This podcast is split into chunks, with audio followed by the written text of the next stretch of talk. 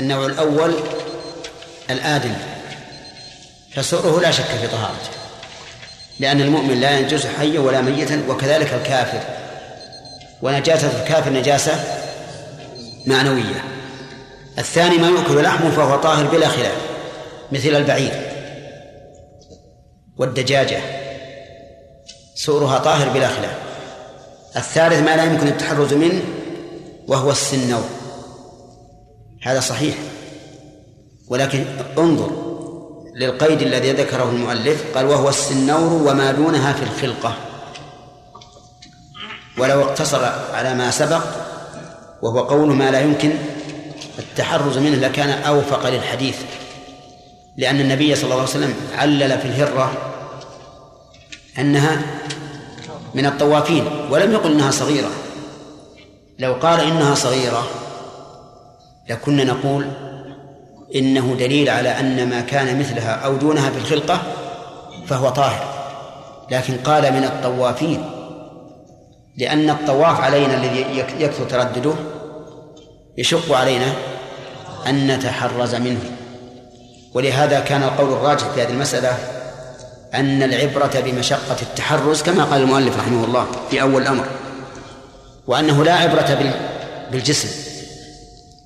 وبناء على ذلك يكون سؤر الحمار والبغل طاهرا.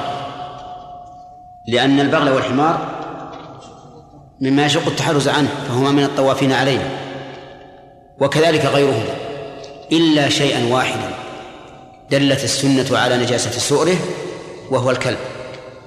فهذا وإن كان من الطوافين علينا ككلب الصيد والحرث والماشية فإنه يجب غسل ما نعم. يجب غسل ما, ما ولغ فيه. سبع مرات إحداها بالتراب. طيب. على كل حال أن على على كلام المؤلف أن الأمر معلق بماذا؟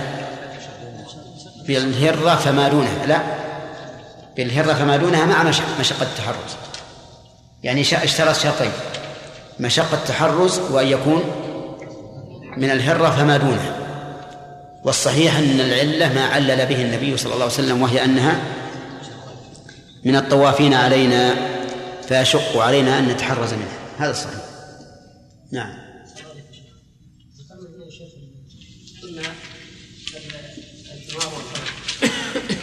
والمؤلف ذكر مع أن الحمار جاء فيه حديث في التحريم والفأرة كذلك.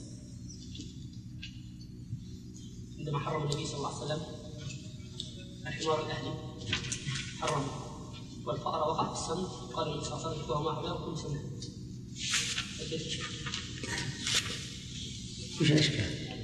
الشيخ قال في الأول كل ما يؤكل لحمه اللي يؤكل لحمه ما في إشكال. طاهر هذا بلا خلاف. هل الفقرة والحمار يؤكل؟ لا البغل ما يأكل ولا ولا حمار. طاهر لأنهما من الطوافين عليه. نجيب عن الحديثان أي حديث؟ حديث التحريم. تحريم غير ما ما ما نقول كلوه. لسنا نقول إذا ولغ إذا شرب من الإناء فكلوه. هو حرام. تكلم عن فضل الطعام والشراب اي نعم. لا لا هو حرام ما في شك. ما يؤكل إلا عند الضرورة.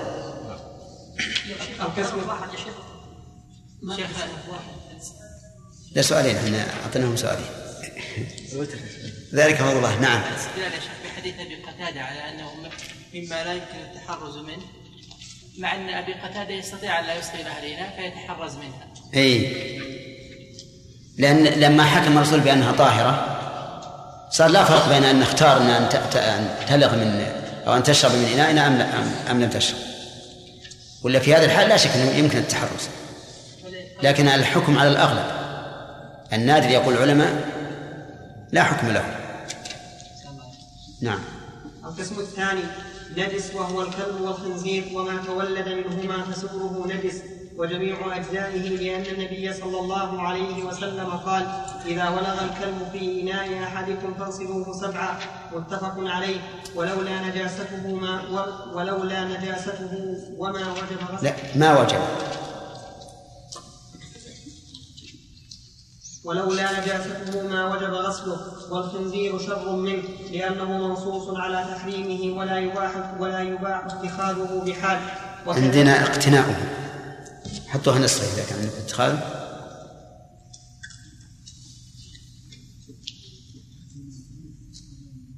ولا يباح اقتناؤه بحال وكذلك ما تولد من النجاسات كدود الكنيف وصراصره. لأنه متولد من نجاسة فكان نجسا كولد الكلب. نعم.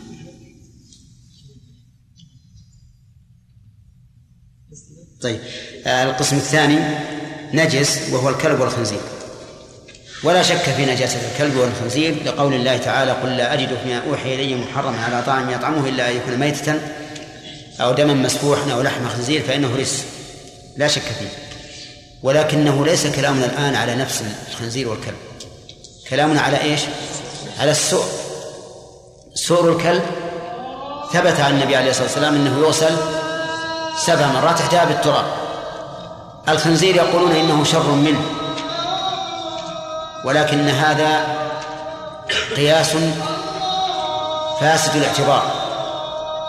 لأن الخنزير موجود في عهد الرسول عليه الصلاة والسلام ومع ذلك لم يأمر بالغسل سبع مرات من من سؤره. فالصحيح أن الخنزير حكم حكم بقية النجاسات. الله أكبر الله رب العالمين والصلاة والسلام على نبينا محمد وعلى آله وصحبه أجمعين. قال الإمام الموفق أبو محمد رحمه الله القسم الثالث بسم الله الرحمن الرحيم. قبل أن نبدأ الدرس الجديد ذكرنا فيما سبق أو ذكر المؤلف فيما سبق أنه إذا اشتبه طهور بنجس فالواجب اجتنابه وأن يتيمم حتى يتبين له الأمر. وذكرنا أن في المسألة قولا آخر وهو أن يتحرى إذا كثر عدد الطاهر. ولكن هنا بحث. هل المراد بالكثرة هنا الكثرة الكثرة الكاثرة أو الزيادة ولو واحدا؟ الصحيح من المذهب على هذا القول بالتحري أن المراد الزيادة ولو واحدة. يعني لو كان ال- الإناء الأواني الطاهرة خمسة والأواني النجسة أربعة فهنا يتحرى. والقول الثالث في المسألة أنه يتحرى مطلقا إذا أمكن التحري بالعلامة. إذا أمكن التحري بالعلامة. يعني معناه أنه ينظر ويفكر فإذا وجد علامة تشير أو تؤشر إلى أن هذا هو النجس أخذ به. وهذا القول هو الصحيح من مذهب الشافعية رحمهم الله. وهو الصحيح عندنا.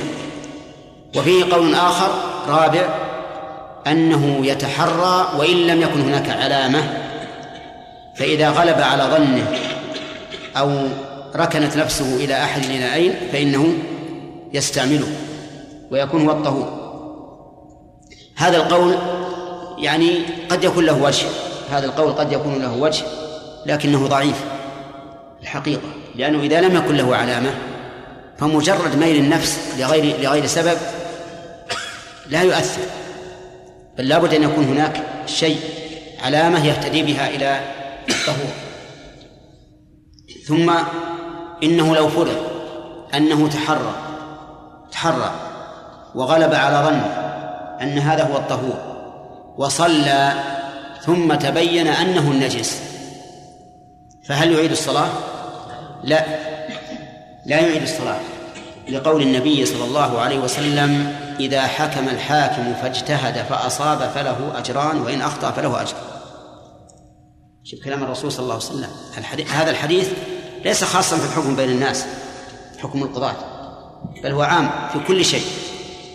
فالإنسان إذا اجتهد فقد فعل ما أمر به فإذا بان الأمر على خلافه فليس عليه شيء. وينبغي أن نعلم أن مسألة الاشتباه مقيدة أو القول بالتحري مقيد بما إذا لم يمكن تطهير أحدهما بالآخر. فإن أمكن تطهير أحدهما بالآخر وجب. كيف يمكن؟ أي نعم. إذا كان الإناءان كل واحد منهما قلتان فيمكن أن يظهر أحدهما بالآخر. في غير هذه الصورة لو كان أحدهما أقل من القلتين لا يمكن. طيب المسألة أو إذا كان عنده طهور بيقين فإنه لا يجوز التحري. لأن التحري إنما جاز للضرورة فإذا كان عنده إناء طهور يقينا فإنه لا يجوز أن يتحرى ويجب أن يتوضأ بماذا؟ بالماء الطهور بيقين عرفت المسألة هذه؟ إذن نحن نحن نقول الآن إن الراجح التحري ولكنه لا يتحرى إلا عند الضرورة إذا لم يمكن تطهير أحدهما بالآخر. والثاني إذا لم يكن عنده طهور بيقين فإن كان عنده طهور بيقين لا شك فيه فلا يتحرى يستعمل الطهور بيقين ولا حرج عليه. نعم. قال رحمه الله القسم الثالث مختلف فيه وهو ثلاثة أنواع وهو ثلاثة أنواع كذلك. أحدها سائر سائر سباع البهائم والطير. وفيهما روايتان.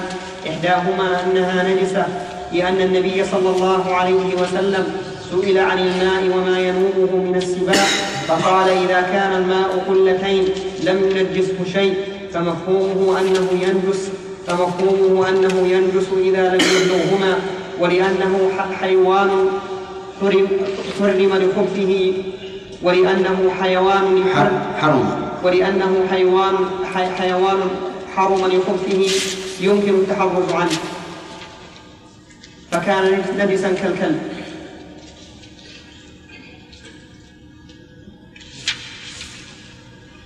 ماشي كذلك؟ في إشكال؟ لخبثه يمكن التحرز عنه. إيش؟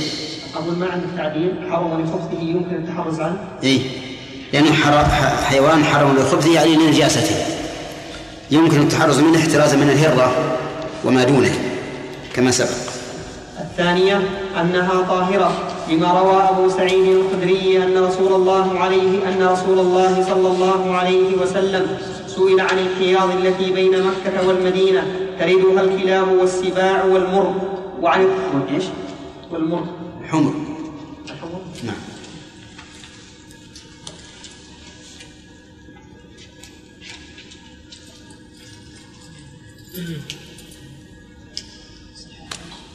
الحمر نعم. تردها الكلاب والسباع والحمر وعن الطهارة بها فقال لها لها ما أخذت في بطونها ولنا ماء غرر طهور. إيش؟ ولنا؟ ماء غرر طهور. ماء؟ ماء إيش؟ غرر طهور. ماء غبر أو ما غبر ما غبر نعم. ها؟ ما غرر لا ما غبر. يعني ما بقي ما غبر بطونها لا لا ولنا ما غبر طهورا. إيه النص.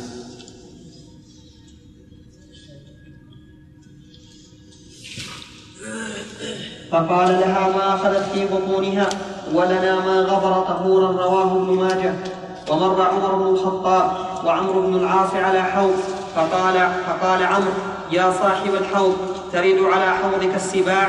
فقال عمر يا صاحب الحوض لا تخبرنا فإن فإن فإنا ترد عليها. نرد. فإنا نرد عليها وترد علينا. فإنا نرد عليها وترد علينا. رواه مالك في الموطأ. نعم. أول. في بطونها ولنا ما غبر طهورا أو طهورا حال. نعم. النوع الثاني الحمار الأهلي والبغل. ففيهما روايتان إحداهما نجاستهما. بقول النبي صلى الله عليه وسلم في الحمر يوم في الحمر يوم خيبر إنها رجس متفق عليه. ولما ذكرنا في السباع. والثانية إذا أنها قال قائل أصح أي الروايتين أصح؟ ففي الظاهر أن الصحيح هو أنها طاهرة. أنها طاهرة. لأننا لو قلنا بأن بأنها نجسة لأدى ذلك إلى مشقة على الناس. فإنه يوجد من الغدران في البر ما هو دون القلتين ولا شك أن السباع ترده السباع والطيور ترد هذا الماء فإذا قلنا بأنه نجس صار في هذا مشقة على الناس. والنبي عليه الصلاة والسلام فيما يظهر لنا أنه يمر بمثل هذه المياه ويتوضأ منها. نعم. والثانية أنها طاهرة. النوع الثاني. النوع الثاني. نعم. والثانية النوع الثاني. إي نعم. النوع الثاني الحمار الأهلي والبغل ففيهما روايتان. إحداهما نجاستهما لقول النبي صلى الله عليه وسلم في الحمر يوم خيبر إنها رجس متفق عليه ولما ذكرنا في السباع والثانية أنها طاهرة لأنه قال إذا لم يرد غير سورهما تيمم معه ولو شك في نجاسته لم يبح استعماله ووجهها ولو ولو لم يحكم بطهارته. هنا لأنه قال لأنه أي الإمام أحمد قال إذا لم يجد غير سؤرهما تيمم معه. ولو لم يحكم بطهارته لم يبح استعماله. ها؟ ولو لم يحكم بطهارته. بدل ولو ولو ولو لو شك أنت عندكم لو شك. تعديل يا شيخ. نقرأ نعم. لأنه قال إذا لم يرد غير سورهما لأنه أي أي؟ الإمام أحمد. لأنه قال إذا لم يرد غير سورهما تيمم معه ولو لم يحكم بطهارته لم يبح استعماله. طيب. نشطب على أول شك نجاسته إيه ما يمكن يجمع. ووجهها ما روى جابر أن رسول الله صلى الله عليه وسلم سئل أنا أتوضأ بما أفضلك الحمر؟ قال نعم وبما أفضلت السباع كلها. رواه الشافعي في مسنده. ولأن النبي صلى الله عليه وسلم كان يركب الحمار والبغال وكان الصحابة يقتنونها ويصحبونها في أسفارهم فلو كانت نجسة لبين لهم نجاستها ولأنه لا يمكن التحرز عنها لمقتنيها فأشبهت الهر ويجوز بيعها فأشبهت مأكول اللحم.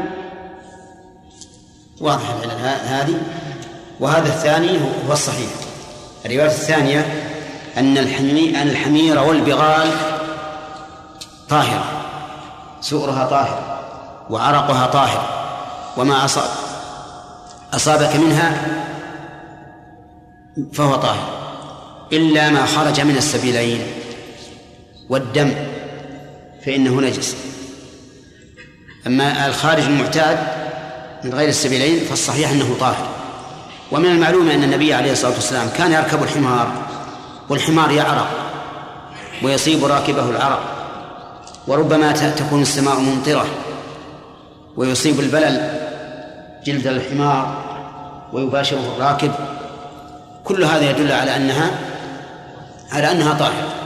ولأنه يشق التحرز منها كما قال المؤلف فهي من الطوافين حتى أن بعض العلماء قال إن الحمير والبغال من الطوافين لأنه إذا كانت الهرة حكم النبي عليه الصلاة والسلام بطهارتها لأنها من الطوافين وهي لا لا, لا تلابس كما تلابس الحمير فتكون الحمير من باب من باب أولى.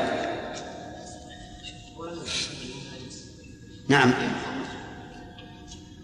اقرأ الحديث. إيه المؤلف رحمه الله اختصر الحديث. قال أنس بن مالك أمر النبي صلى الله عليه وسلم أبا طلحة يوم خيبر أن ينادي إن الله ورسوله ينهيانكم عن لحوم الحمر الأهلية فإنها رجس لحوم. والحقيقة أن المؤلف رحمه الله ليته أتى بالحديث تاما. حتى لا أصبر يا أسامة. اذا صرت تتكلم يا أسامة لا ترفع يدك. آه، إن الله ينهيانكم عن لحوم الحمر الاهليه اللحوم الحمر. لأنهم في خيبر رتعوا فيها وذبحوها وقطعوها وجعلوها في القدور وأوقدوا عليه النيران. فلما رآه النبي عليه الصلاة والسلام قال ما هذا؟ قالوا حمر يا رسول الله. فأمر أبا طلحة فنادى نعم النوع الثالث آه.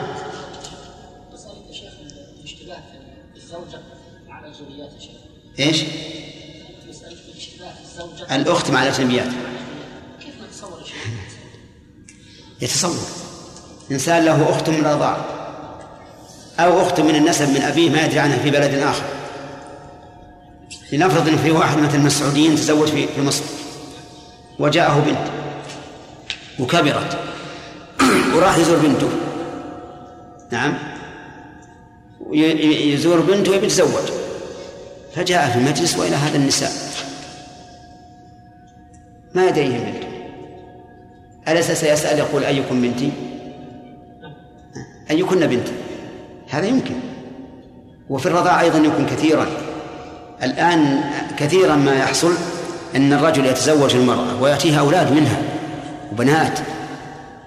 ثم بعد ذلك يتبين أنها محرم له من الرضاعة هنا. نعم. النوع الثالث الجلالة وهي التي أكثر علفها النجاسة. ففيها روايتان إحداهما نجاستها لأن النبي صلى الله عليه وسلم نهى عن ركوب الجلالة وألبانها رواه أبو داود.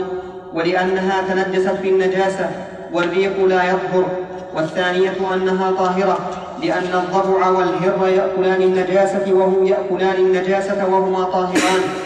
وحكم أجزاء الحيوان من جلده وشعره وريشه حكم سؤره لأنه من أجزائه فأشبه فمه. فإذا وقع في الماء ثم خرج حيا فحكم ذلك سؤره. قال أحمد في فارة في ماء ثم خرجت حية لا بأس بها. نعم. لا بأس به. نعم. الجلالة هي التي أكثر عليها النجاسة. فيها روايتان. كيف يكون أكثر عليها النجاسة؟ مثل هذا الطير يغذى بدم مسفوح والدم المسفوح نجس ويغذى بحب من البر. ننظر أيهما أكثر. إذا قالوا إن الحب أكثر ها فليس بجلالة. إذا قالوا إن الدم أكثر فهو جلالة. وقد اختلف العلماء رحمهم الله في الجلالة. هل هي نجسة حرام أو هي طاهرة حلال؟ على قولين للعلماء. ومنهم من قال إنها نجسة حرام حتى تحبس عن النجس وتطعم الطاهرة ثلاثة أيام. ثم بعد ذلك تكون حلالا طاهرة. ومنهم من قال إنها ليست بنجسة ولا حراما وضعف الأحاديث الواردة في ذلك وقال إن النجاسة إذا استحالت زالت.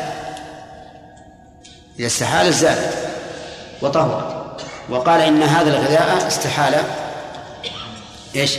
استحال دما استحال دما فطهر. وفيها روايتان عن الإمام أحمد رحمه الله. رواية التحريم ورواية الإباحة. وقد كثر السؤال عن الدواجن التي قيل إنها تغذى بالدم المسفوح. هل هي حلال أو لا؟ والجواب على هذا التفصيل. هل أكثر علفها من هذا الدم أو لا؟ إن كان أكثر علفها من غيره فلا إشكال في حلها وطهارتها. وإن كان أكثر علفها من هذا الدم ففيها هاتان الروايتان رواية الطهارة ورواية النجاسة. والصحيح أنها طاهرة حلال ما لم تصح الأحاديث والأحاديث كلها فيها مقال. الواردة في الجلالة كلها فيها مقال. فإن صحت الحديث الأحاديث فليس لنا بد من السمع والطاعة لله ورسوله.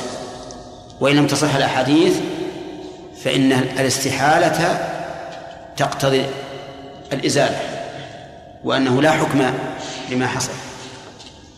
وانظر إلى الآدمي الآدمي طاهر مع أنه يتحول من علقة قطعة دم إلى مضغة. قطعة الدم نجسة ومع ذلك لما تحول صار صار طاهرا. كما قال النبي عليه الصلاة والسلام. نعم. باعتبار الشمس المشقة في تنجيس الماء وعدم تنجيسه مرجعه إلى الأرض؟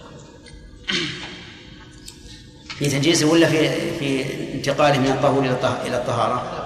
في شيء مثلا نقول نحكم عليه إنه ينجس أو لا ينجس من الدواب. نقول إن مشقه الاحتراز منه. اي لا الع- العرف العرف. طيب حياة الجلالة الجلالة. يعني حيوان يشبه إحنا مثلنا بالدجاجة عادي يعني أي حيوان يعني أي حيوان. يكون علفها؟ أرنب دجاج بعير شاة اللي هي. ما هي بالجلالة نوع من الطيور لا. أي شيء يكون أثر عليه النجاسة فهو فهو جلالة يمكن يحسبه صاحب الجلالة. طيب يا شيخ طيب يا شيخ بالنسبة للحديث إيش يجب عليه؟ اللي هم ينوبون من السباع يعني. يعني ما يتردد عليه. إيه طيب إيش نرد على الاحاديث هذا؟ إحنا رجحنا على إن الراجح الأحاديث أسأل الله أن ييسر لنا طالبا حريصا على العلم على الحديث خاصة عنده دراية حتى يخرجنا لو تخريج بسيط هذه الأحاديث. لأن مشكلتنا حقيقة أن الفقهاء رحمهم الله ما يهتمون اهتماما كبيرا في الأحاديث كما ترون. وأنا ودنا بواحد يكون يعني ها؟ لا فوزي مشغول الآن بالدروس. خالد السالم ما إحنا بنشوف نعم. نعم. بالربع الخالي؟ والله ما ندري. عندك استعداد يا خالد؟ عندك استعداد؟ أجل ابدأ من الأول. ابدأ من الأول. هي من أول كتاب. ما لا ما ما أريد تخريج الأحاديث اللي مرت الليلة. من الأول.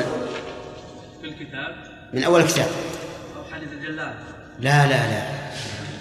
لا. أنا أريد كل الكتاب. ها؟ طيب ممكن نوزعه ها ما. خلي متفق عليه متفق عليه ما يحتاج اللي في اللي في البخاري أو مسلم أو في الصحيحين هذا ما يحتاج لكن مثلا اللي في أبي داود اللي يشكل يا شيخ والاخوان أيضا الشيخ إذا علموا لأنه الدرس بس بيصير يوم الخميس إحنا ماشي مشكله بيخف عليهم هذا كيف؟ واذا علموا أن الدرس مو مستمر كل ليلة يصير يوم الخميس فقط بعد أسبوع يصير المشي قليلا يعني؟ كيف؟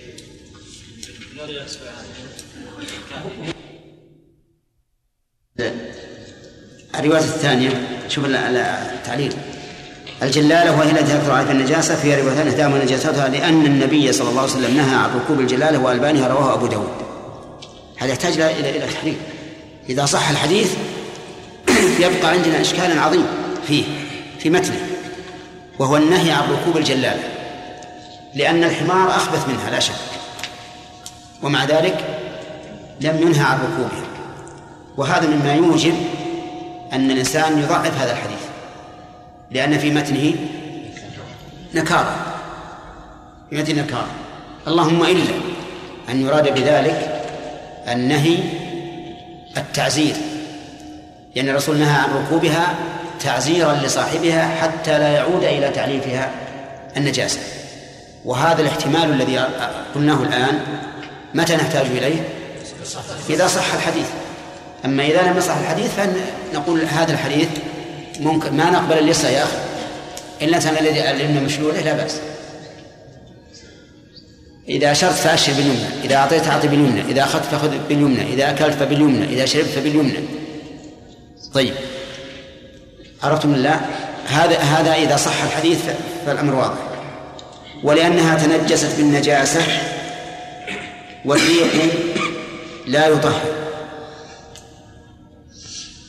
نعم. إذا تنجت بالنجاسة فإن الريق لا يطهر. يقول رحمه الله القول الثاني الرواية الثانية أنها طاهرة لأن الضبع والهر يأكلان النجاسة وهما طاهران. أما الضبع فهو طاهر لكونه حلالا. الضبع حلال. تعرفون الضبع؟ أي نعم. هل منه قول الشاعر؟ أبا خراشة أما كنت ذا نفر فإن قومي لم تأكلهم الضبع. لا لأن المراد بالضبع السنين في, البيت. ما هو الضبع السبع. طيب وأما الهرة فهي طاهرة لماذا؟ لأنها حلال؟ لا لأنها من الطوافين علينا. طيب وهل يأكلان النجاسة؟ نعم ما في شك ألذ ما عند الهرة الفقرة وهي وهي نجسة طيب وحكم أجزاء إيش؟ وحكم أجزاء. إيش؟ الحيوان أي نعم الحيوان من جلده حكم وشعره وريشه حكم سؤره ولأنه من أجزائه فأشبه فمه فإذا وقع في الماء ثم خرج حيا فحكم ذلك حكم سؤره قال أحمد في أرض سقطت في ماء ثم خرجت حية لا بأس به. لكنهم اشترطوا في الحيوان الذي يسقط في الماء ثم يخرج حيا. هو إن كان طاهرا فالأمر فيه واضح. ولا لا؟ إن كان نجسا فإنه على كلام الفقهاء رحمهم الله ينجس الماء بمجرد الملاقاة. إلا إذا كان قلتين فأكثر فلا ينجس إلا بالتغير. وإنما قال الإمام أحمد لا بأس به لأن الفأرة من الطوافين عليه فهي طاهرة. نعم. هنا يقول أحسن الله إليك خرج حديث الكافي الإمام ضياء الدين بالواحد في مؤلف المختار. المتوفى سنة 643 وش يعني؟ خرج حديث الكافي في مؤلف اسمه المختار نعم. والمعروف بن عبد هذه له مر مر علينا في أول ما قرأنا. نعم. على الحيوان الاشجار التي سقطت بنفس مع اصل الحديث مع انها حيوان إيه هم يقولون لا فرق. لأن هذه الأشجار تغذت بالنجس فتكون حرام. تكون نجسا حرام. ليس في الأشجار في استفاده الحيوان. لأن هذا يتحول عين عين تتحول إلى إلى دم. اي والماء. الماء يدخل في عروق الشجرة. وهذا الماء متلوث متلوث بالنجاسة اللي هو السماد النجس وهو نجس. لكن الصحيح في مسألة ما سقي بنجس الصحيح أو سمد بنجس الصحيح أنه طاهر. ما لم ما لم يظهر أثر النجاسة فيه. لو ظهر أثر النجاسة فيه بحيث إن إذا شك إذا شقين القرعة وجدنا رائحة خبيثة في حرام. الله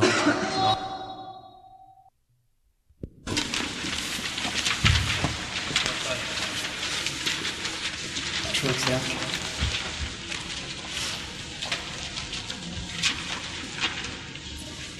اي نعم.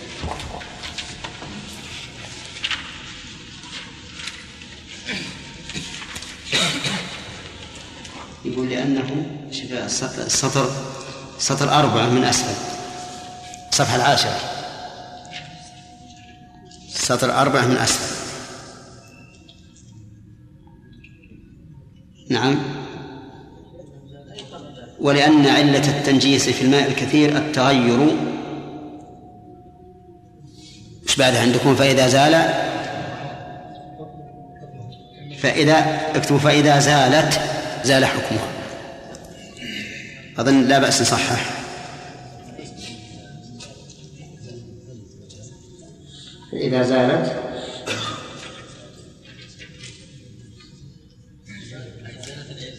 أي زالت العلة زال حكمها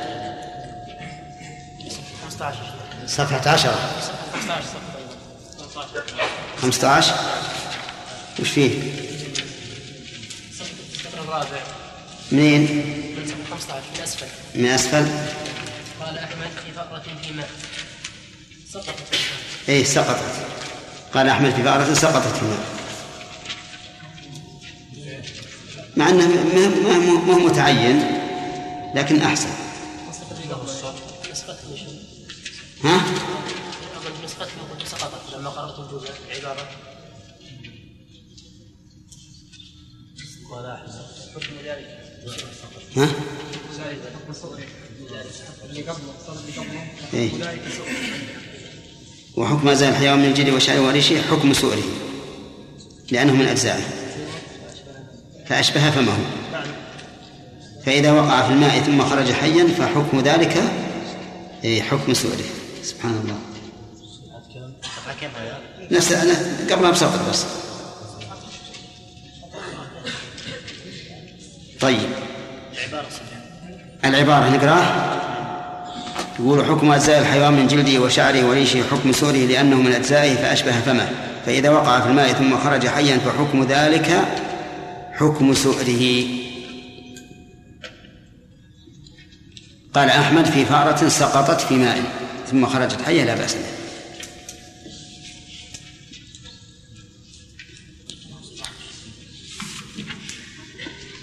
الله سهل لنا نسخة زينة. اللي عندي ذي به به ها؟ إيه لأن هذه أحيانا تسقط صفحات. طيب الشيخ اللي مع الاخ صلاح وش الفرق هذه؟ وين؟ اللي مع الاخ صلاح الجدع ما في كل ذكرت عجيب ورا ما تبي بال نفسها. اللي عطيتك هذه إيه نسخة إيه نسخة هذه الطبعة الطبعة الأولى دي. ما أظن. طيب لو وش هذا يكون موجودات هي طبعة واحد طبعا موجودات ذولي بين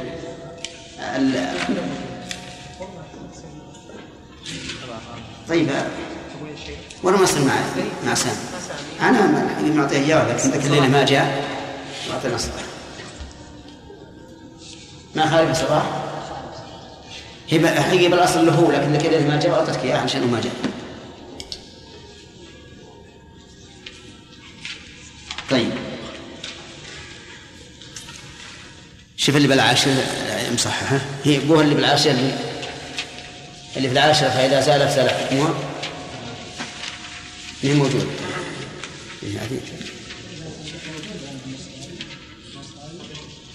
إيه هذه موجودة؟ إيه ما في سقط لا تقول من لو كان موجود تقول من فيه موجودة طيب. والثاني حكم سؤره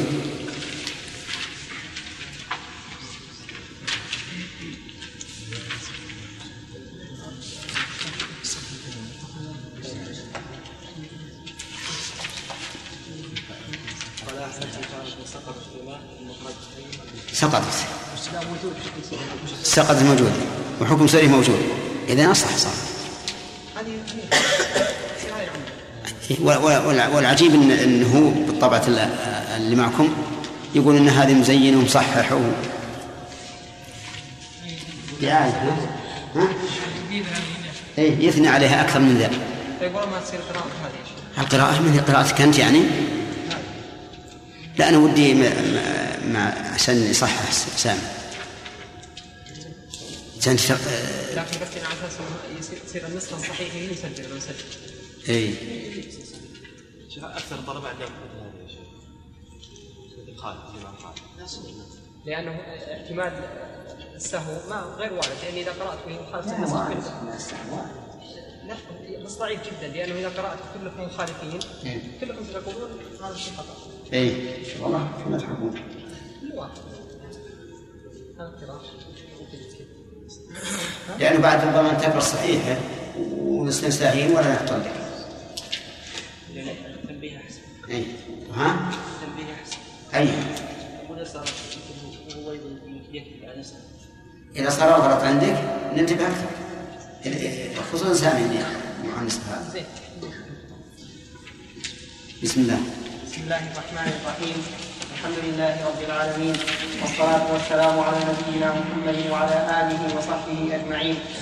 قال المصنف رحمه الله تعالى فصل إذا أكلت الهرة نجاسة ثم شربت من ماء بعد غيبتها لم ينجس لأن النبي صلى الله عليه وسلم قال إنها ليست بنجس, بنجس مع علمه بأهلها النجاسات وإن شربت قبل الغيبة فقال أبو الحسن الآمدي ظاهر قول ظاهر قول أصحابنا طهارته بالخبر ولأننا حكمنا بطهارتها بعد الغيبة واحتمال طهارتها بها واحتمال طهارتها بها شك لا يزيل, لا, يزيل, لا يزيل يقين النجاسة. وقال القاضي ينجس لأن أثر النجاسة في فمها بخلاف ما بعد الغيبة فإنه, فإنه يحتمل أن تشرب من ماء يطهر فاها فلا ينجس فلا ينجس ما تيقنا طهارته بالشك. والصحيح القول الأول صحيح أنه سواء شربت عن قرب أو عن بعد فإن سؤرها طاهر لعموم الحديث.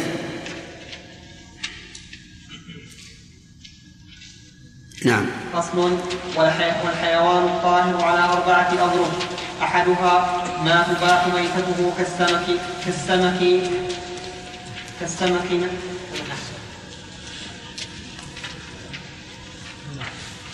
كالسمك ونحوه والجراد وشبهه فميتته ظاهرة. بالنسبة للجلالة الأحاديث الواردة فيها متكاثرة ومجموعها أقل ما يجعلها حسنة.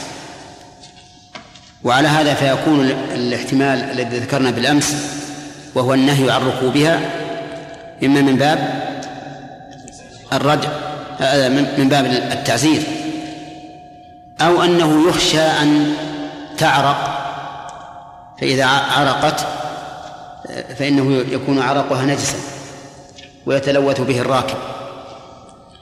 أما بالنسبة للحكم عند أهل العلم فإن العلماء اختلفوا في طهارتها كما ذكره المؤلف. وبناء على هذا الاختلاف اختلفوا في حل أكلها. فمن يرى أنها طاهرة يرى أن أكلها حلال. ومن يرى أنها نجسة يرى أن أكلها حرام. وكذلك لبنها وكذلك بيضها إذا كانت دجاجة حسب ما يرونه. فالشافعية رحمهم الله يرون أن هذا على سبيل الكراهة وليس على سبيل التحريم. إلا إذا ظهرت النجاسة في لحمها أو لبنها بمعنى أن اللحم تغير وأنتن بالنجاسة أو اللبن فحينئذ يكون نجسا حراما. نعم.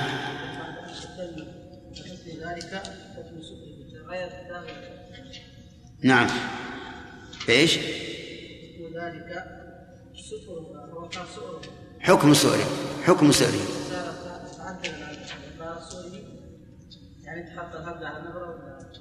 وقت آه. لا الهمزة على واو. الهمزة على واو ما لا دخل باللي بعدها الهمزة إما أن تكون هي مضمومة أو ما قبلها مضموم. سؤره ال- الحركة تتغير في- فيما بعد الهمزة. ما قبل الهمزة لا يتغير. نعم. عرق الحمار يا شيخ حكمنا ظاهر نعم. لماذا فرقنا بين عرق الحمار وعرق الجلد؟ لأنه متنجس.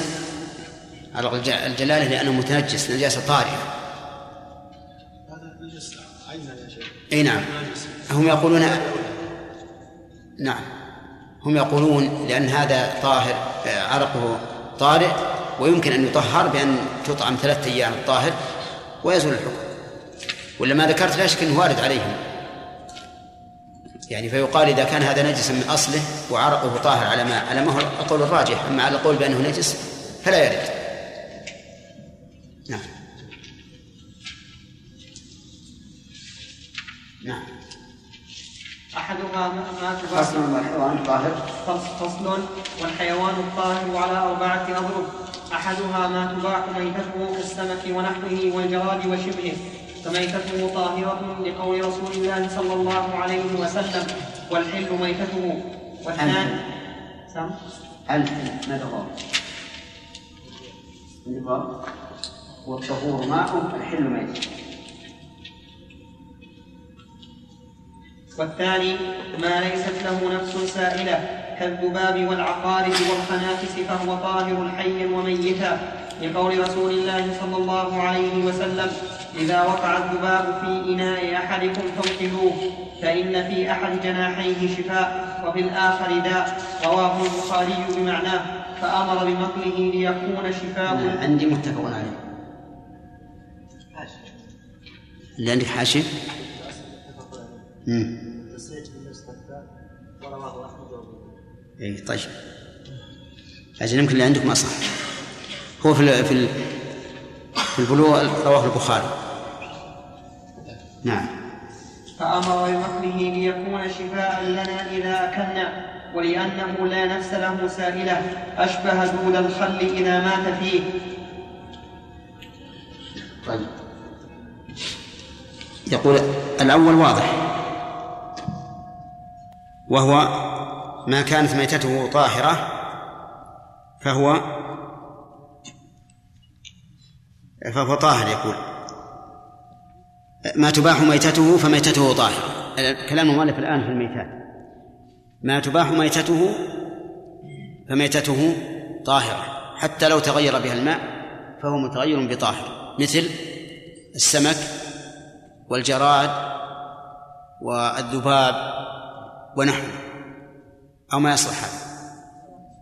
الذباب لا يصح التمثيل به. تمثيل للثاني. فهذا طاهر. لقول النبي عليه الصلاة والسلام في البحر هو الطهور ماؤه الحل ميتته. الثاني ما لا نفس له سائلة النفس هنا الدم. يعني ما لا ليس له دم سائل. وليس مجرد الدم لأن مجرد الدم يكون حتى في الذباب والبعوض لكن مراد سائل يسيل. فالذي ليس له نفس سائلة هذا طاهر بعد الموت وإن كان حراما. ودليله قول النبي صلى الله عليه وسلم إذا وقع الذباب في شراب أحدكم فليغمسه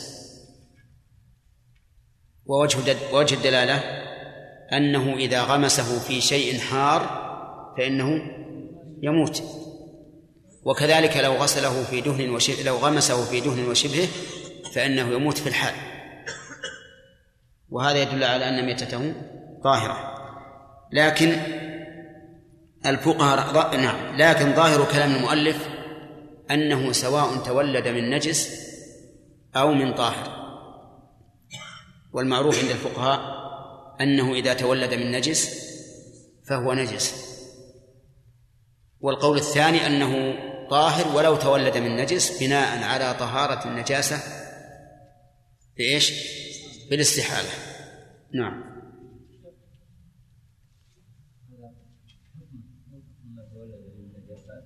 أي.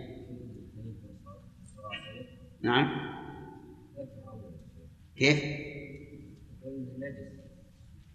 نعم هذا يستثنى منه ما سبق. كما ذكره الفقهاء. نعم.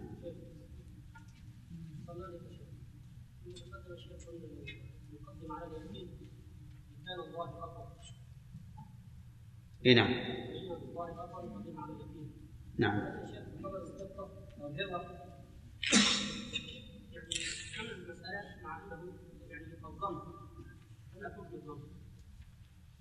حكمنا بإيش؟ في, في إيش؟ بعد غيبتهم طاهرة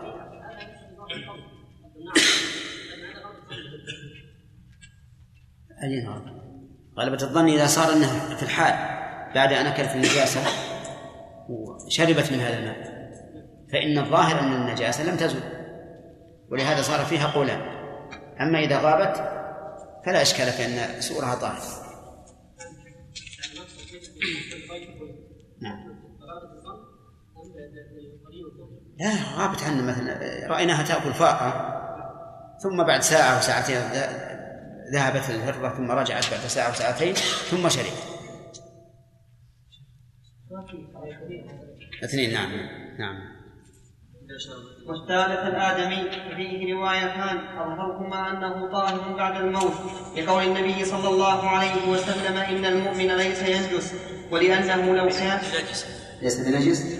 نعم. لقول النبي صلى الله عليه وسلم إن المؤمن ليس بنجس ولأنه لو كان نجس العين لم يشرع غسله كسائر النجاسات. والثانية هو نجس. قال أحمد في صبي مات في بئر تنزع وذلك لأنه حيوان له نفس سائلة أشبه الشاه.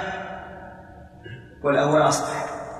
الأول وهو أن الآدمي لا ينجس حيا ولا ميتا أصح. فإن قال قائل يرد علينا قوله تعالى يا أيها الذين آمنوا إنما المشركون نجس. وقول النبي صلى الله عليه وسلم إن المؤمن لا ينجس فمفهومه أن الكافر ينجس كما هو منطوق الآية. فالجواب أن النجاسة نوعان حسية ومعنوية. والنجاسة التي التي تضاف للكافر هي المعنوية نعم. والرابع ما عدا ما ذكرنا مما له نفس سائلة لا تباح ميتته فميتته نجسة لقوله تعالى حرمت عليكم الميتة. وقوله إلا أن يكون ميتة أو دما مسفوحا أو لحم خنزير فإنه رجس. نعم. باب الآنية وهي ضربان مباح من غير كراهة الضابط في مسألة الدم أن كلما كانت كلما كانت ميتته طاهرة فدمه طاهر إلا الآدمي. كلما كانت ميتته طاهرة فدمه طاهر إلا الآدمي. على على أن بعض العلماء قال إن دم الآدمي طاهر ما لم يخرج من السبيلين. وعللوا على ذلك بأنه لا دليل على النجاسة. والنجاسة تحتاج إلى دليل. وبعموم قوله إن المؤمن لا ينجس فهذا يشمل أجزاءه وما فيه. وبأن الصحابة كانوا يجرحون في الغزوات ويصلون في ثيابهم.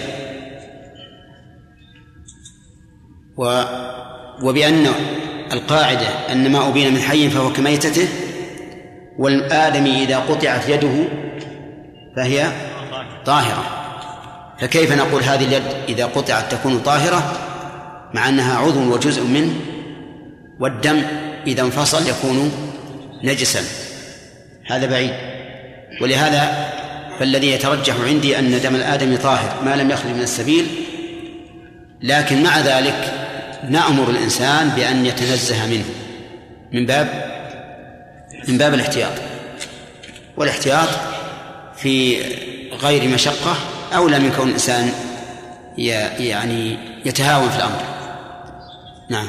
شيخ الدم الخارج من الحيوان الذي يؤكل الذي يؤكل لحمه وهو حي نجس؟ كل ما ميتته نجسة فدمه نجس. وكل ما ميتته طاهرة فدمه طاهر. فالسمك مثلا لو أن سمكة خرج منها دم كثير وهي ولو كانت حية فهو طاهر. شيخ ما يعارض عموم قول الرسول ما أبين وهي ما أبين من البهيمة. وهي حية فهو ميت. نعم. ما يعارض على أيها الدم طيب. إذا جعلناه ميت إذا جعلناه ميتا فإنه يكون نجسا لأن ميتة ما يؤكل لحمه نجسة ولا ولا طاهرة؟ كيف؟ ميتة ما يؤكل لحمه حرمت عليكم الميتة وقال إلا يكون ميتة أو دما مسفوحا أو لحم خنزير فإنه رجس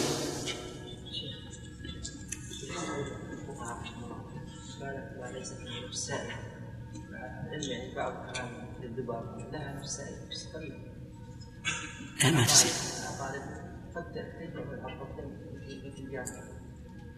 لا العبرة بكل بكل نفس وحدة. لا تجمع مثلا مليون ذباب يمكن. العقرب يخرج منها؟ لا الأوزار نص الإمام أحمد على أن لها نفسا سائلة. الوزر نص الإمام أحمد على أن له نفسا سائلة. لكن العقرب ما له نفس أبدا. أبدا لو تذبحها ما لقى الدم أبدا لو تضرب بالحجر أنت تقطع ما لقى الدم الذباب فيه دم لكنه ما يسيل نعم؟ الصراصير ما لها دم. لا طاهرة. كل شيء ليس له دم يسير فهو طاهر. هذه إذا تولدت من نجاسة فقد سبق لنا أنها نجسة على على خلاف فيها أيضا. أنا إن شاء الله سوف أحرر لكم النجاسات. أحرر لكم وأتي بها نمليها عليكم. أحسن. ضوابط. إن شاء الله. نعم. على كل حال نحررها ما يضر. ما كل أحد عنده فتوى الحرب. باب الآنية وهي ضربان مباح من غير كراهة. وهو كل إناء وهو كل إناء طاهر من غير جنس الأثمان. ثمينا كان أو غير ثمين كالياقوت والبلور والعقيق والخزف والخشب والجلود والصفر لأن النبي صلى الله عليه وسلم اغتسل من جفنة وتوضأ من ثور وتوضأ من ثور من صفر وثور من حجارة ومن قربة وإداوة. والثاني طيب الآن الأصل فيها؟ الأصل فيها الحل لقوله تعالى هو الذي خلق لكم ما في الأرض جميعا. فأي مثل إناء تستعمله لشرب أو أكل أو وضوء أو غير ذلك؟ إذا اعترض عليك معترض فقل له هات الدليل على التحريم. ولا في الأصل الحل نعم.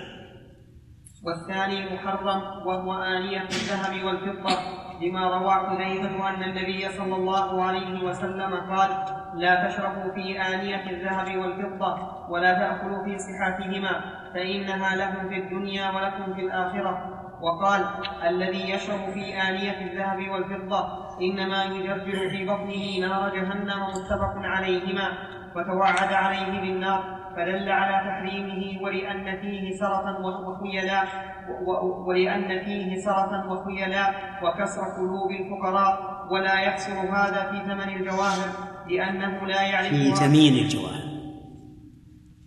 ثمين.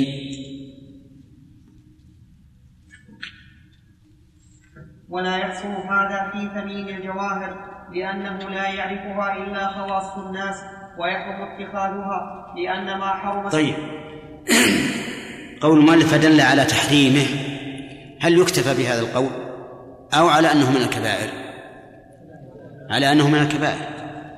لأن الوعيد على الشيء يدل على أنه كبيرة من كبائر الذنوب. نعم.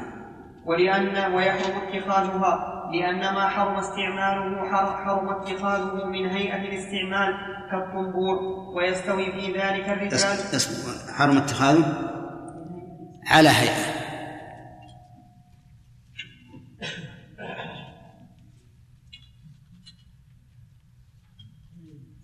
ويحرم اتخاذها لأن ما حرم استعماله حرم اتخاذه على هيئة الاستعمال كالطنبور ويستوي في ذلك الرجال والنساء طيب. عندنا ثلاثة أشياء في الأواني أواني الذهب والفضة.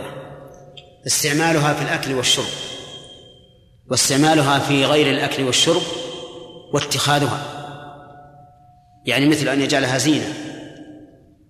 أما استعمالها في الأكل والشرب فهو من كبائر الذنوب كما عرفت.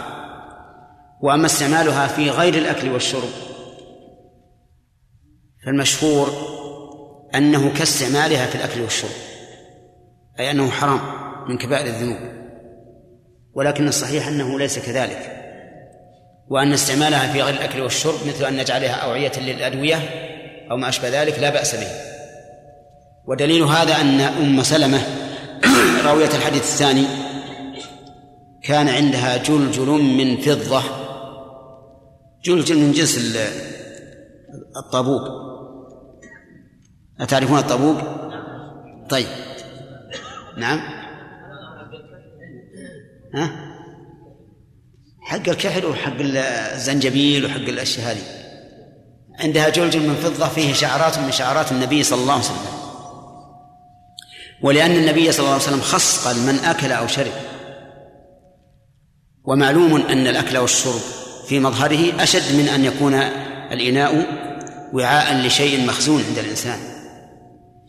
لأن الأكل والشرب عام يشاهده كل أحد ويكثر استعماله ويحصل فيه للإنسان من الفخر والأبهة والتعاظم في نفسه ما لا يحصل فيما لو كان عنده وعاء يخزن فيه دواء أو ما أشبه ذلك. الثالث اتخاذها اتخاذها ينظر. إن اتخذها لمحرم صار حراما. من باب إيش؟ من باب الوسائل. وإن اتخذها لحلال فهي حلال كما لو اتخذ لدوان أو غيره. وإن اتخذها لمجرد الزينة لمجرد الزينة فينبغي أن نقول إنها حرام لما في ذلك من إضاعة المال. لما في هذا من إضاعة المال. فالحاصل أن هذا هو القول الذي أطمئن إليه. أما عند الفقهاء رحمهم الله فهو فاستعمالها في الأكل والشرب حرام. وفي غير الأكل والشرب حرام واتخاذها حرام. يعني كل الثلاثة حرام عندهم. نعم. هذا ما ينتقل إذا قلنا بأن العلة هي قلوب الفقراء أو الصرف والخيار يعني لا فرق بين الأكل والشرب بين الاتخاذ سواء العلة ليست كسر قلوب الفقراء. الفقير ينكسر قلبه إذا كان عند الإنسان سيارة فخمة وإذا كان عنده قصر مشيد وإذا كان عليه لباس جميل. ولا ولا علة أحسن من تعليل الرسول صلى الله عليه وسلم. فإنها لهم في الدنيا ولكم في الآخرة. يعني أن الدنيا ليست دارا لأن يأكل الإنسان ويشرب فيها في آنية الذهب والفضة. وهذا واضح. والقول بما ذكر المؤلف فيه نظر. لكن لا بأس أن أن أن ندعم النص به. وإلا فالإنسان لو اتخذ مثلا ثياب من مواد فخر غالية أغلى من الحرير مثلا ما قلنا هي حرام. لكن لو لبس الحرير قلنا حرام لأن لباس الحرير إنما هو لباس أهل الجنة. هذه أيضا أواني الذهب والفضة أواني أهل الجنة. ولهذا قال إنها لهم في الدنيا ولكم في الآخرة.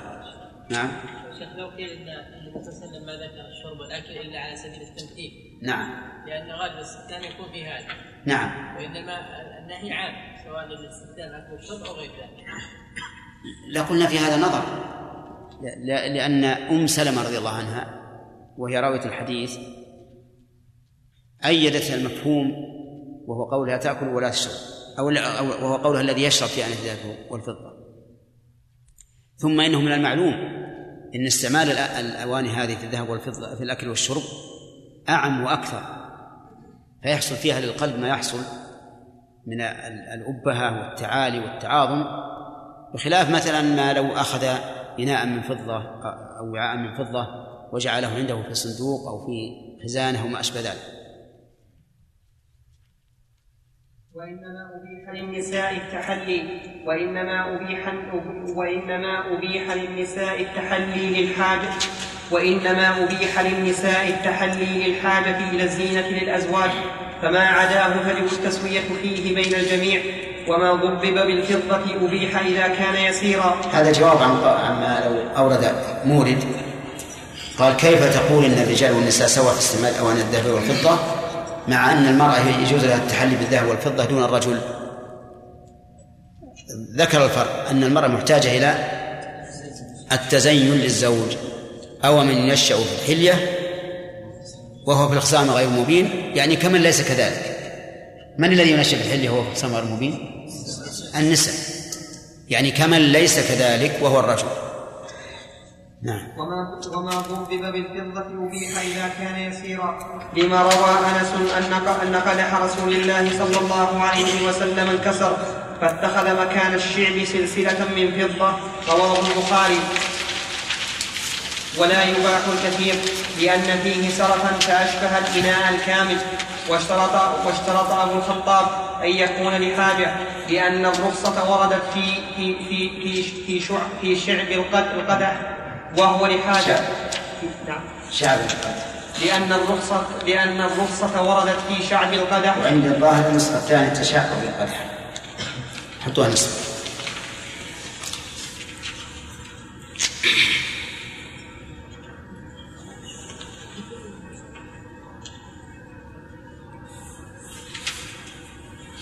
لأن الرخصة وردت في في شعب القدح وهو لحاجة ومعنى الحاجة أن تدعو الحاجة إلى إلى ما فعله به وإن كان وإن كان غيره وإن كان وإن كان غيره يقوم مقامه.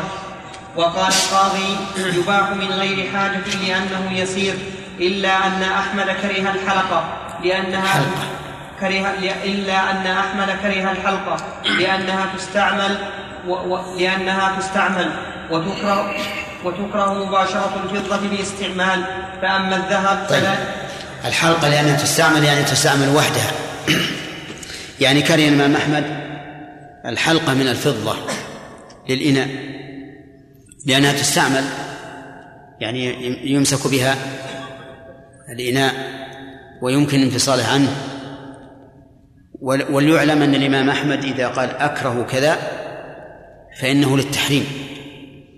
وإذا قال لا ينبغي فكذلك للتحريم وإذا قال لا يعجبني فهو للاستحباب وقيل للتحريم أيضا لأن الإمام أحمد رحمه الله لورعه للكراهة نعم لأن الإمام أحمد أنا قصد الاستحباب إن استحباب استحباب الترك لكن الكراهة أوضح لأنه رحمه الله عنده من الورع ما يمنعه أن يقول عن الشيء إنه حرام.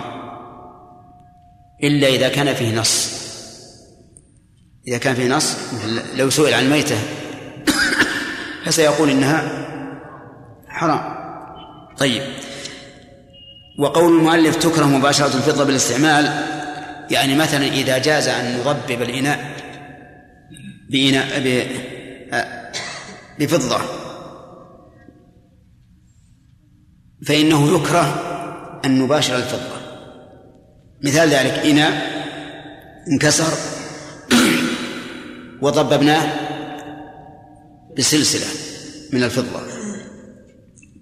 فإنه يكره عند الشرب أن نباشر الفضة. هذا ما قاله المؤلف ولكن لا دليل على ذلك. والصواب أنه إذا أبيحت أبيح مباشرتها ولا ولا حرج. نعم. من داود.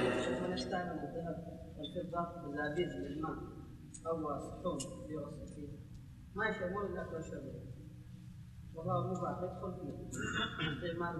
إيش تقولون في هذا؟ يعني في ناس يعني يجعلون بزابيز من الفضة وبزابيز من الذهب. ها؟ إيه إضاءة المال هذه حتى لو تحط خرق. لكن الظاهر أن يقال البزابيز وسيلة للشرب. وسيلة للشرب. وإن كانت تستعمل في الوضوء وفي التغسيل وفي غيره لكن تستعمل أيضا في الشرب. ها؟ لا لا ملونة يا شيخ. إيه عينك شافت شيء حمر مثل الذهب وقلت هذا ذهب. كم؟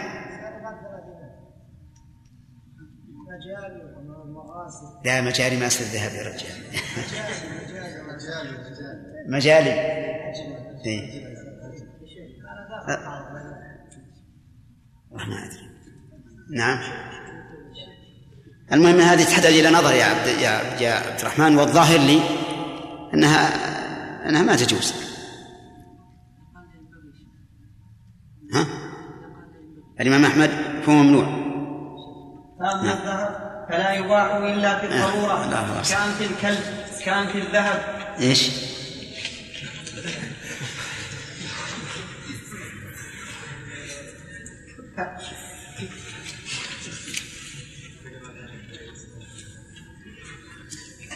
فأما الذهب فلا يباح إلا في الضرورة. كأن في الذهب. لأن النبي صلى الله عليه وسلم رخص لعرفجة بن سعد. لما قطع أنفه يوم الكلاب واتخذ أنفا واتخذ أنفا من ورق فأنتن عليه فأمره أن يتخذ أنفا من ذهب. قال الترمذي هذا حديث حسن صحيح. ويباح ربط أس ويباح ربط أسنانه بالذهب إذا خشي سقوطها لأنه في معنى أنف الذهب. وذكر أبو بكر في التنبيه أنه يباح يسير الذهب. قال أبو الخطاب ولا بأس بقبيعة السيف. بقبيعة. ولا بأس بقبيعة السيف بالذهب لأن سيف عمر كان فيه كان فيه سبائك من ذهب. ذكره الإمام أحمد وعن مزيدة العصري قال دخل رسول الله صلى الله عليه وسلم يوم الفتح وعلى سيفه ذهب وعلى سيفه ذهب وفضة. رواه الترمذي وقال هو حديث غريب. على كل هذه الكلمات اليسيرة انتقل فيها المؤلف انتقل إليها المؤلف من الأواني. ولا وإلا في الحقيقة أن محلها في باب في باب اللباس والفقهاء ذكروها في باب الزكاة زكاة الذهب والفضة والقاعدة فيها أنها أن استعمال الذهب والفضة لا يجوز إلا للنساء استعماله في الشرب في في اللباس. وبناء على هذا لا يجوز للإنسان أن يلبس آه، قلما فيه ذهب لأن هذا نوع من اللباس. أو يتخذ سلسلة فيها ذهب أو يلبس ساعة فيها ذهب. لأن كل هذا من من اللباس. وأما وأما ما فيه مصلحة مصلحة وعز للإسلام مثل السلاح كالسيف ونحوه فلا بأس به. لأن لأن الفخر والخيلاء والتعاظم أمام الكفار أمر مطلوب. حتى أن النبي عليه الصلاة والسلام قال عن مشية الخيلاء إنها لمشية ينقضها الله إلا في هذا الموطن. وأباح لباس لباس الحرير في الحرب وأما ما ذكره من اتخاذ الأنف والسن من الذهب للضرورة فهذا صحيح. فإذا قال قائل ما الفرق؟ بين التحلي واتخاذ الأنف فالجواب الفرق بينهما ظاهر. لأن اتخاذ الأنف من باب من باب تغطية العيب والتحلي من باب التجمل والكمال. فهذا هو الفرق. ولهذا نقول لو أن الرجل اتخذ سنا من ذهب للتجمل صار هذا حراما. لأنه لا يحل له أن يتجمل بالذهب. ولا اتخذه للحاجة صار حلالا وهل للمرأة أن تتخذ سنا من الذهب للتجمل؟ نعم. نعم لها أن تتخذ هذا.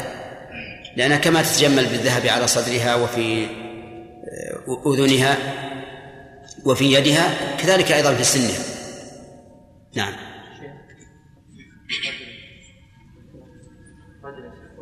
ساعة من ذهب ساعة من ذهب صار يحتاج إلى إي نعم.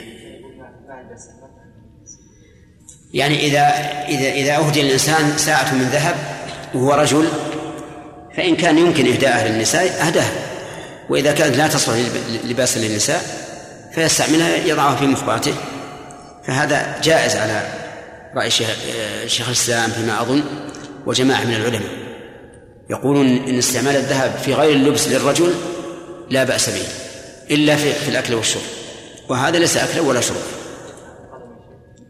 والقلم يحط مخباته؟ لا الظاهر لا بأس به لكن مشكلتنا أن القلم سوف يكتب به دائما. والكتابة به نوع من الاستعمال وإن كان الساعة يظهرها لكن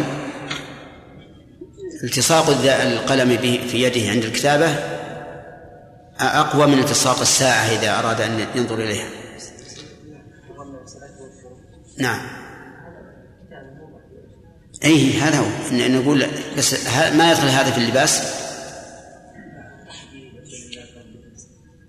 لا لباس. ولهذا أنا أنا لو يجيني قلم يعني حق مقضابته هذا زين وهو أحب أنه يصير مقضابة الشيء مثل شق الثياب ومنظر السيء. لا كيف؟ نوع من اللباس. اي زين ما في شك. نعم.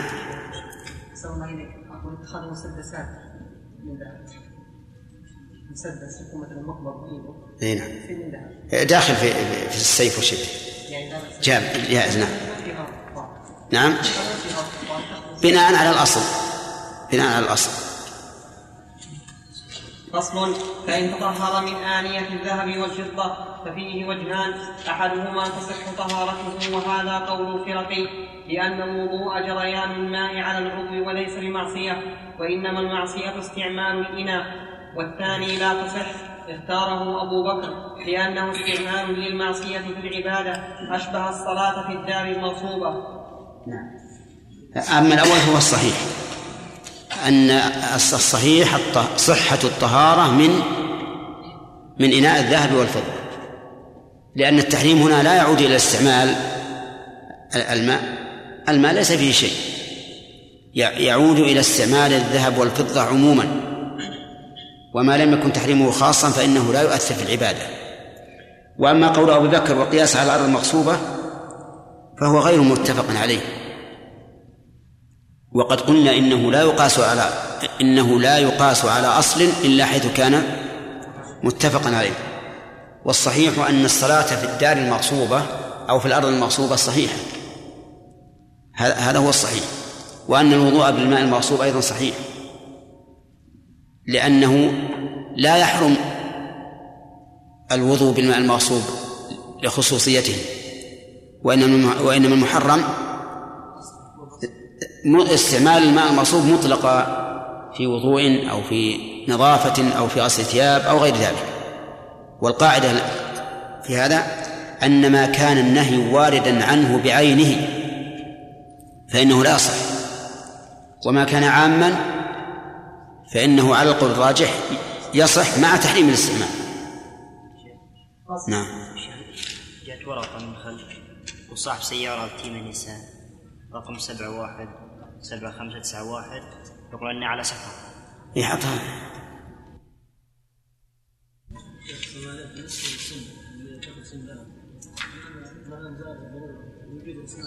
إيه؟ هذا سؤال وجيه. يقول إن الآن الأسنان ممكن أن تركب من غير الذهب. فهل نقول إن هناك ضرورة الآن؟ نقول نعم في, في ضرورة لأنه مو بالضرورة أن يحتاج إلى شيء بعينه أن يضطر إلى شيء يسد هذه الفتحة مثلا.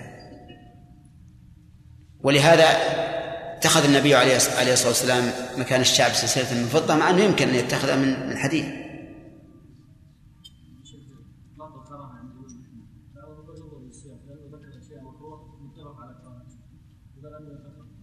مثل؟ لا أبدا. هذا إطلاقه أنه إذا قال أكره فهو للتحريم. نعم. قلنا أن أنه لا إلا بها يعني وهنا يمكن أي بس هم هم قالوا إن مجرد الحاجة إلى هذا الشيء يكفي. ولهذا ربط السن بالذهب. قد يربط بغيره من من المعادن الحديثة. ولا يحصل فيها صدع نعم. إي نعم نعم. هذه الحاجة. فصل في أواني الكفار وهم ضربان. أحدهما من لا من, من لا يستحل الميت كاليهود فأوانيهم طاهرة فأوانيهم طاهرة مباحة الاستعمال لأن النبي صلى الله عليه وسلم أضاف أضافه يهودي بخبز وإهالة سنقة فأجابه. رواه أحمد في المسند. وتوضأ عمر وتوضأ عمر من جرة نصرانية. من جرة نصرانية. بالإضافة وتوضأ عمر من جرة من جرة نصرانية. والثاني من يستحل الميتات والنجاسات كعبدة الأوثان والمجوس وبعض النصارى. فما لم يستعملوه من آنيتهم فهو طاهر. وما استعملوه فهو نجس. لما روى أبو ثعلبة الخشني. قال قلت يا رسول الله إنا بأرض قوم أهل إنا بأرض قوم أهل كتاب.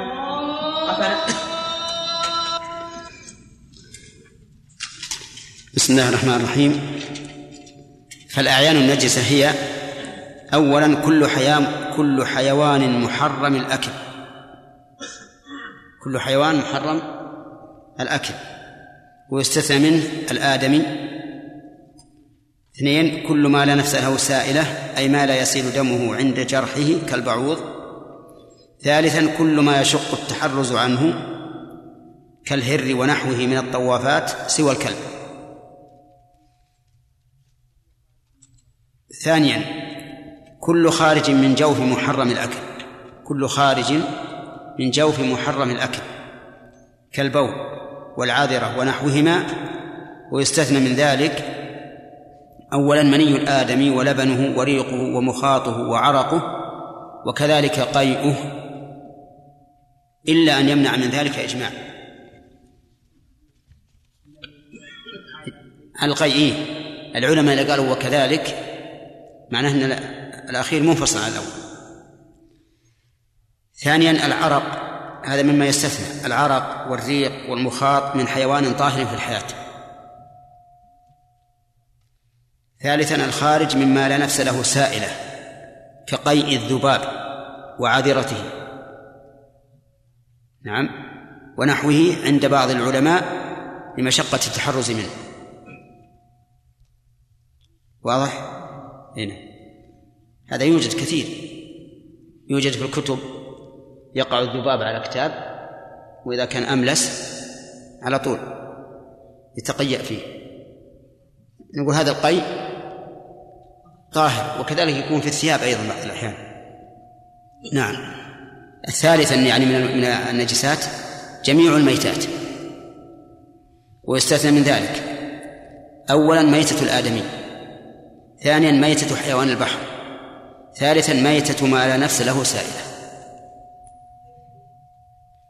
رابعا منين؟ لا. رابعا مما مما هو نجس العين. رابعا كل جزء انفصل من حيوان ميتته نجسة كل جزء انفصل من حيوان ميتته نجسة نعم. ويستثنى من ذلك ما لا تحله الحياة وهو الشعر والصوف والوبر والريش. هذه طاهرة. ولو كان ولو كان الحيوان ميتته نجسة نعم. طيب. يمكن يجينا الآن. نعم. أصبر جزاك الله خير. ما لا تحل الحياة عرفتوها؟ وهي أربعة الشعر والصوف والوبر والريش. الشعر للبقر وشبهها. الصوف للضأن الوبر للإبل والريش للطير. ثانيا القرن والعظم عند شيخ الإسلام ابن تيمية. خامسا يعني من النجاسات. الدم من آدمي أو حيوان ميتته نجسة. الدم من آدمي أو حيوان نجس ميتته نجسة. ويستثنى من ذلك أولا دم الشهيد عليه ثانيا المسك ووعاؤه ثالثا الدم الباقي في اللحم والعروق بعد الذكاة الشرعية.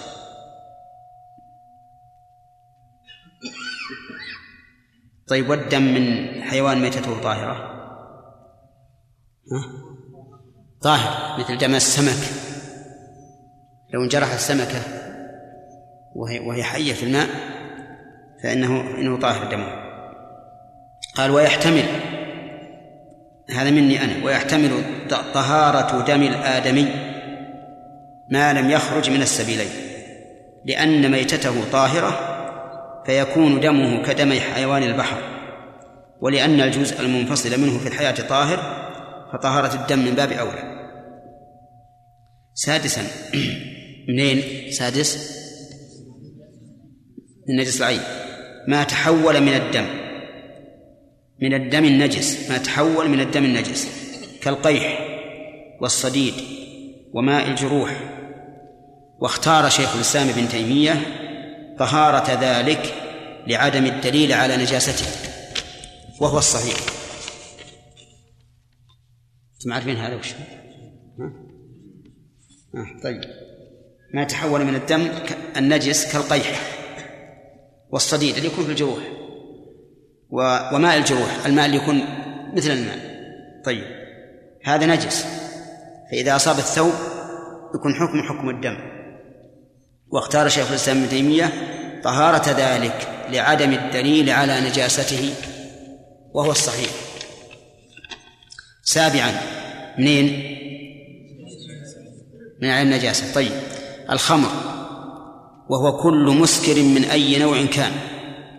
والإسكار تغطية العقل على وجه الطرب واللذة. وأما البنج وشبهه فلا يسمى مسكر لأنه ليس على سبيل الطرب واللذة بخلاف الخمر. الخمر نجس. قال والراجح أن الخمر ليس بنجس لعدم الدليل على على على نجاسته بل الدليل قائم على طهارته كما قد بين في موضع آخر. ثم قال ويعفى عن النجاسات فيما يأتي. يعفى عن النجاسات فيما يأتي. أولا يسير الدم وما تولد منه إلا دم الحيض. ثانيا يسير المذي وسلس البول مع كمال التحفظ. ثالثا يسير القي على القول بنجاسته. رابعا يسير بول الحمار والبغل ويسير روثهما عند من يلابسهما كثيرا.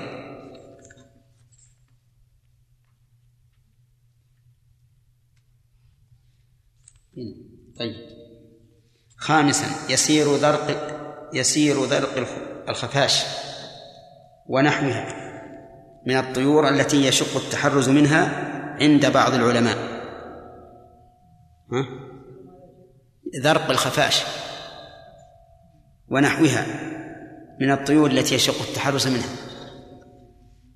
الخفاش الصحات. نعم. هذه طيور تأتي في عند إقبال الليل. إذا أقبل الليل شوف تطير نعم. كيف خفاش؟ إيه خفاش أنتم تقول خفاش؟ طيب. يمكن بعد غيركم يقول خرفاش. ما ندري. على كل حال هو معروف الآن. الذرق؟ والله ما أدري نعم. ما تعرفون الذرق بعد؟ لا إله إلا الله. يعني اللي يخرج من دبره. يقال ذرق الحمار على كذا معروف عجيب ولا لا؟ زي طيب. والله نحتاج إلى قاموس لغة قبل كل شيء. نعم. لا ما يفهم. هذا يقول ما يفهم. في ناس جادين مو يلعبون طيب يقول يسير ذوق الخفاش ونحوها من الطيور التي يشق التحرز منها عند بعض العلماء. سادسا يسير جميع النجاسات عند شيخ الإسلام ابن تيمية. هذا أعم. حتى المغلظة كل النجاسات. شيخ الإسلام رحمه الله يقول اليسير هذا يعفى عنه لأنه يشق التحرز منه غالبا. والدين يسر. لو مثل نجد شيء مثل جب الإبرة من نجاسة ولو مغلظة يقول أنه يعفى عنه. لكنه أكثر العلماء على خلاف كلام رحمه الله. نعم.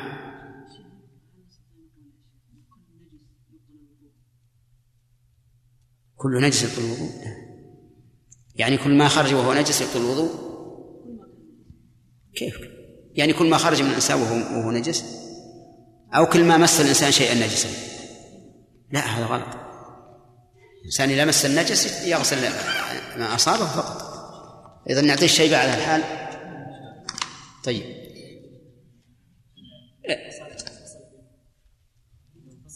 من حيوان ميتته نجسة. من فصل من حيوان ميتته نجسة فهو نجس. واحد مثلا مسك شاة وقطع رجلها وهي حية ترعى. لكن هو محتاج إلى الحمل عنده ضيوف الآن؟ قال بقطع الرجل وأخذ الباقي اليوم الثاني. عرفت؟ طيب يا شيخ لو كان مثلا ما استطاع انه يصيب مثلا كغزال أو شيء ثم يعني ضرب. هذا هذا مستثنى. هنا نعم. أخذنا ثلاثة. ها؟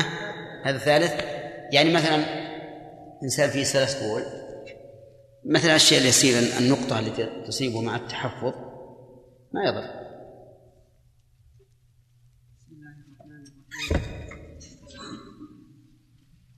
الحمد لله رب العالمين والصلاة والسلام على نبينا محمد وعلى آله وصحبه أجمعين. قال رحمه الله تعالى فصل في أواني الكفار وهم ضربان. أنا معي يا شيخ نسختك. زين أحدهما من لا يستحل الميتة كاليهود فأوانيهم طاهرة فأوانيهم طاهرة مباحة الاستعمال لأن النبي صلى الله عليه وسلم أضافه يهودي بخبز وإهانة سنخة فأجابه رواه أحمد في المسند وتوضأ عمر, وتوضأ عمر رضي الله عنه من, جر من جرة نصرانية. والثاني من يستحل الميتات والنجاسات كعبده الأوثان والمجوس وبعض النصارى فما لم يستعملوه من آنيتهم فهو طاهر وما استعملوه فهو نجس لما روى أبو ثعلبة الخشني رضي الله عنه قال قلت يا رسول الله إنا بأرض قوم أهل كتاب أفنأكل في آنيتهم؟ قال لا تأكلوا فيها إلا أن لا تجدوا غيرها فاغسلوها ثم كلوا فيها متفق عليه وما شك في استعماله فهو طاهر. وما شك في استعماله فهو طاهر. وذكر أبو الخطاب أن أواني الكفار كلها طاهرة. وفي كراهيه وفي كراهية استعمالها روايتان. إحداهما تكره لهذا الحديث والثانية لا تكره لأن النبي صلى الله عليه وسلم أكل فيها.